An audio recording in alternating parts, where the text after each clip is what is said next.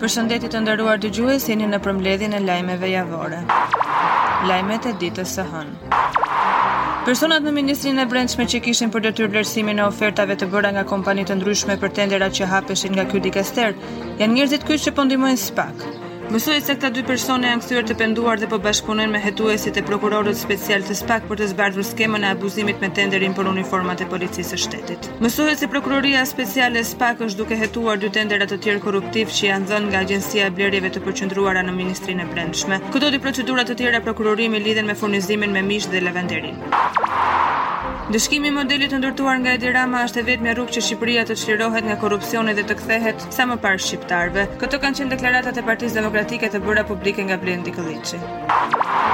Aleanca për teatrin ka depozituar një tjetër kallëzim në spak sa i takon çështjes për shembjen e teatrit kombëtar. Në një dalje për mediat juristi i Aleancës Adriana Kalaja bëri të ditur se sot dorëzuan një kallëzim penal për ambasadorin e Bashkimit Evropian Luigi Soreka. Aleanca e akuzon Sorekën për ndikim të paligjshëm në Gjykatën Kushtetuese në lidhje me çështjen e teatrit, dhe se kanë kërkuar nga Parlamenti Europian nisjen e një hetimi dhe shkarkimin e tij nga detyra e ambasadorit. Lajmet e ditës së martë. Një sasi kokaine që bëhet fjalë për të paktën 150 kg është kapur në portin e Durrësit pasditen e ditës së martë, në një kontenier të ngarkuar me banane që vinte nga Ekuadori. Kokaina u gjet pas një kontrolli të policisë kufitare ku nga skaneri rezultoi se kontenieri kishte pësuar modifikime në pjesën e bazamentit, ku edhe u gjet më pas e fshehur droga. Kryeministri Edi Rama ka bërë me dije se 70% e tenderave të bërë kanë patur probleme, ku pjesa më e madhe ka pasur probleme sa i takon hartimit të kritereve. Atë që është më problematike, Rama tha se është mosreagimi i institucioneve pas rekomandimeve nga ana e Agjencisë së Prokurorimit. Kreu i Partisë Demokratike Lulzim Basha ka reaguar pas deklaratave të kryeministrit Rama në takimin me ministrat në kryeministri, ku deklaroi se 70% e tenderave janë me probleme. Në një postim në Twitter, Basha thotë se Rama ka 8 vite në pushtet dhe sot më në fund e pranoi se qeveria e tij e ka zhytur vendin në korrupsion. Por sipas tij, ajo që Rama nuk thotë nuk është e qartë për të gjithë shqiptarët sepse peshku qelbet nga koka. Deputetja e zgjedhur e Partisë Demokratike Jorida Tabaku në një deklaratë për mediat tha se sot nuk ka shqiptar që të besojë se shkallmimi dhe vjedhja e buxhetit të shtetit e miliona eurove në buxhet Ndodh pa dijeninë dhe përgjegjësinë e Edi Ramës. Spak ka dërguar sot në gjykatë ish kryebashkiakun e Partisë Demokratike në Pogradec, Eduard Kaprin, dhe pesë vartësit e tij, të cilët do të gjykohen në lidhje me tentativën për të penguar zgjedhjet lokale të 30 qershorit të vitit 2019, si dhe për akuzën për abuzim me tenderin për blerjen e druve të zjarrit me vlerë 9.2 milion lek në vitin 2017. Ministria e Bujqësisë reagoi sot për bimët e dyshimta që u shfaqën në një video të shpërndarë nga ministrja Milva Ekonomi, mes serave të shtetit me domate dhe fidanë të tjerë në Lushnje. Ky dikaster konfirmoi se bimët kanabis sativa janë të mbjella me urdhër të prokurorisë dhe policisë së shtetit. Lajmet e ditës së mërkurë. Çlirim Gjata nga Gjykata Penale ka folur rreth padisë që i është bërë nga Plarent Ndreca, ish sekretari i përgjithshëm i Ministrisë së Brendshme. Gjata tha se ne paditemi për shpifje kur deklarojmë korrupsionin e këtyre zyrtarëve. Qytetarët e kryeqytetit nuk janë dakord me njoftimin e bërë nga enti rregullator që paralajmëron rritjen e çmimit të ujit me 4 herë më shumë sesa çmimi aktual. Treqind e dyzet mijë doza të vaksinës kineze CoronaVac kanë mbërritur në Shqipëri mëngjesin e sotëm. Lajmi u bë i ditur nga kryeministri Edi Rama dhe ministrja e Shëndetësisë Ogerta Manastirliu. Sipas Ramës, kjo është sasia më e madhe e vaksinave e mbërritur njëherësh në vendin tonë, që e çon atë në 1 milion e 578 mijë e 790 numrin e vaksinave të mbërritura deri më tani. Është vendosur sot guri i themelit për ndërtimin e maternitetit të ri të Tiranës, Mbretëresha Geraldine. ku i pranishëm ishte kryeministri Edi Rama dhe ministrja e Shëndetësisë Ogerta Manastirliu. Ish kryeministri Sali Berisha komenton vendimin e gjykatës së posaçme e cila ka lënë në masë paraprake arrest në shtëpi ish zëvendësministren e Brendshme Rovena Voda, duke e akuzuar se ka marrë para për të futur persona të tjerë në punë. Ish-kryeministri e krahason Vodën me sanitaren Tire Aldervishi, e cila merrte para nga pacientët e prekur me Covid nëntëmbëdhjetë. Qazim Rasha, babai i të ndjerit Klodian Rasha, ka folur për mediat pas përfundimit të seancës, ku autori i ngjarjes Nevaldo Hajdaraj u dënua me dhjetë vite burg. Ai është shprehur i indinjuar dhe i pakënaqur nga vendimi i gjykatës. Ai tha se nuk ishte vendosur drejtësi për djalin e tij, teksa tha se krimineli mori rolin e viktimës. Pronarët e bizneseve në Vlorë janë ngritur në protestë sot dhe kanë lajmëruar se nga dita e hënë do të bllokojnë totalisht aktivitetin. Kjo masë drastike sipas tyre do të merret nëse qeveria nuk ndryshon orën policore për mbylljen e tyre. Anëtari i Komisionit të Përhershëm Statutor Eno Bozdo tha se Komisioni Statutor vendosi të kalonte propozimet e Bashës që rregullojnë dhe harmonizojnë statutin aktual. Lajmet e ditës së enjte. Përfaqësues të shoqatës së biznesit të vogël kanë protestuar para Ministrisë së Shëndetësisë pasi kërkojnë zgjatjen e orës policore dhe lejimin e zhvillimit të ceremonive të dasmave në bizneset e tyre. Midis tyre ishin dhe pronarët e lokaleve të zonës së Kamzës. Këto biznese kërkojnë që ministria të vlerësojë situatën dhe trajtimin e njëjtë për të gjitha subjektet në të gjithë vendin tonë.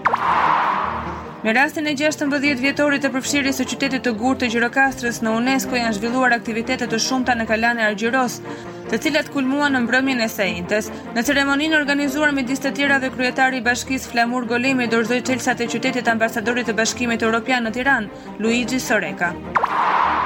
Më 16 korrik të vitit 1991 ka ardhur për herë të parë në Shqipëri fortlumturia e tij kryepiskopi Anastas, Kisha Ortodokse Autoqefale e Shqipërisë kujton këtë moment të rëndësishëm për të dhe ndan foto nga vizitat në të gjithë selitë episkopale dhe pothuajse në gjithë qytetet apo fshatrat.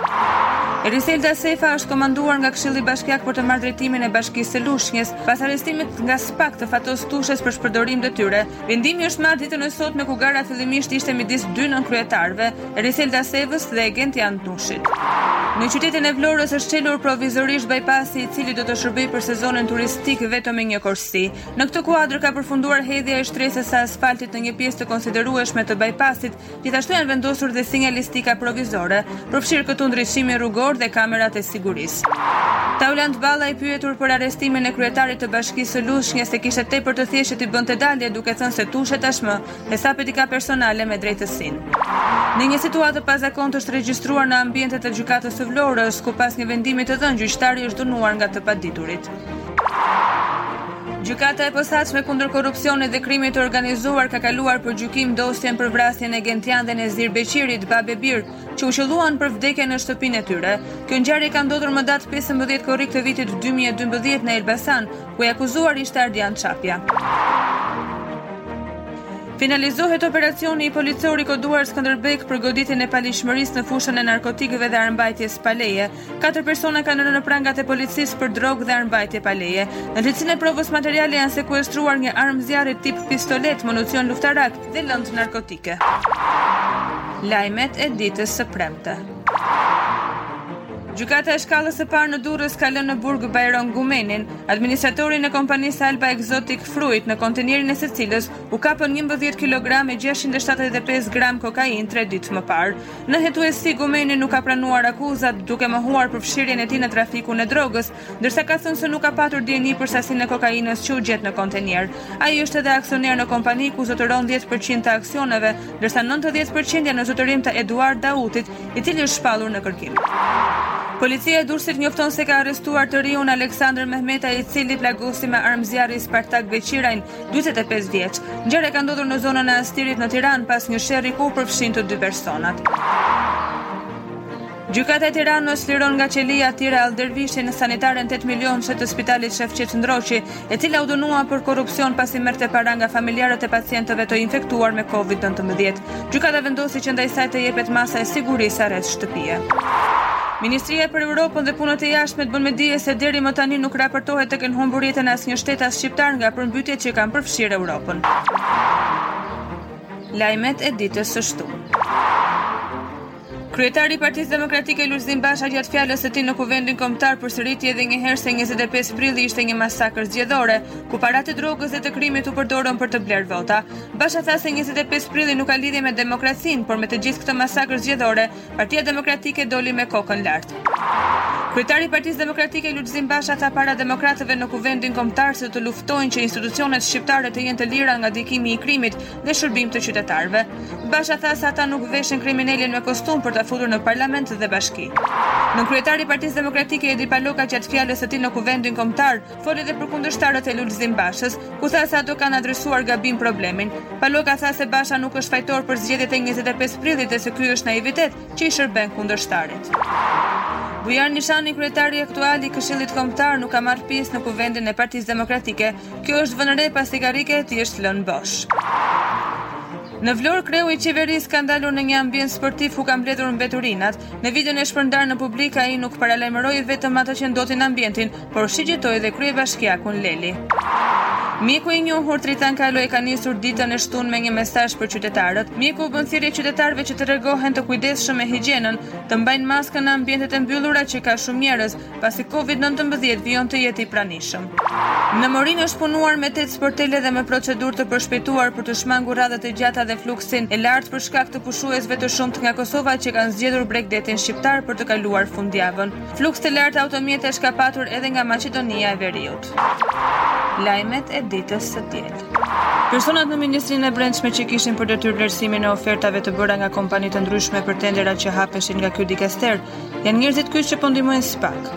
Mësohet se këta dy persona janë kthyer të penduar dhe po bashkëpunojnë me hetuesit e prokurorët specialë të SPAK për të zbardhur skemën e abuzimit me tenderin për uniformat e policisë së shtetit.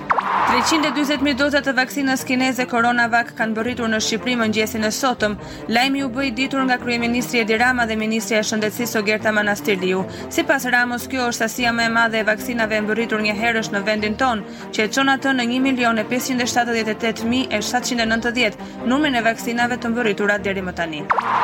Është vendosur sot guri i themelit për ndërtimin e maternitetit të ri të Tiranës, Mbretëresha Geraldinë, ku i pranishëm ishte kryeministri Edi Rama dhe ministrja e Shëndetësisë Ogerta Manastirliu. Anëtari i Komisionit të Përhershëm Statutor Eno Bozdo tha se Komisioni Statutor vendosi të kalonte propozimet e Bashës që rregullojnë dhe harmonizojnë statutin aktual.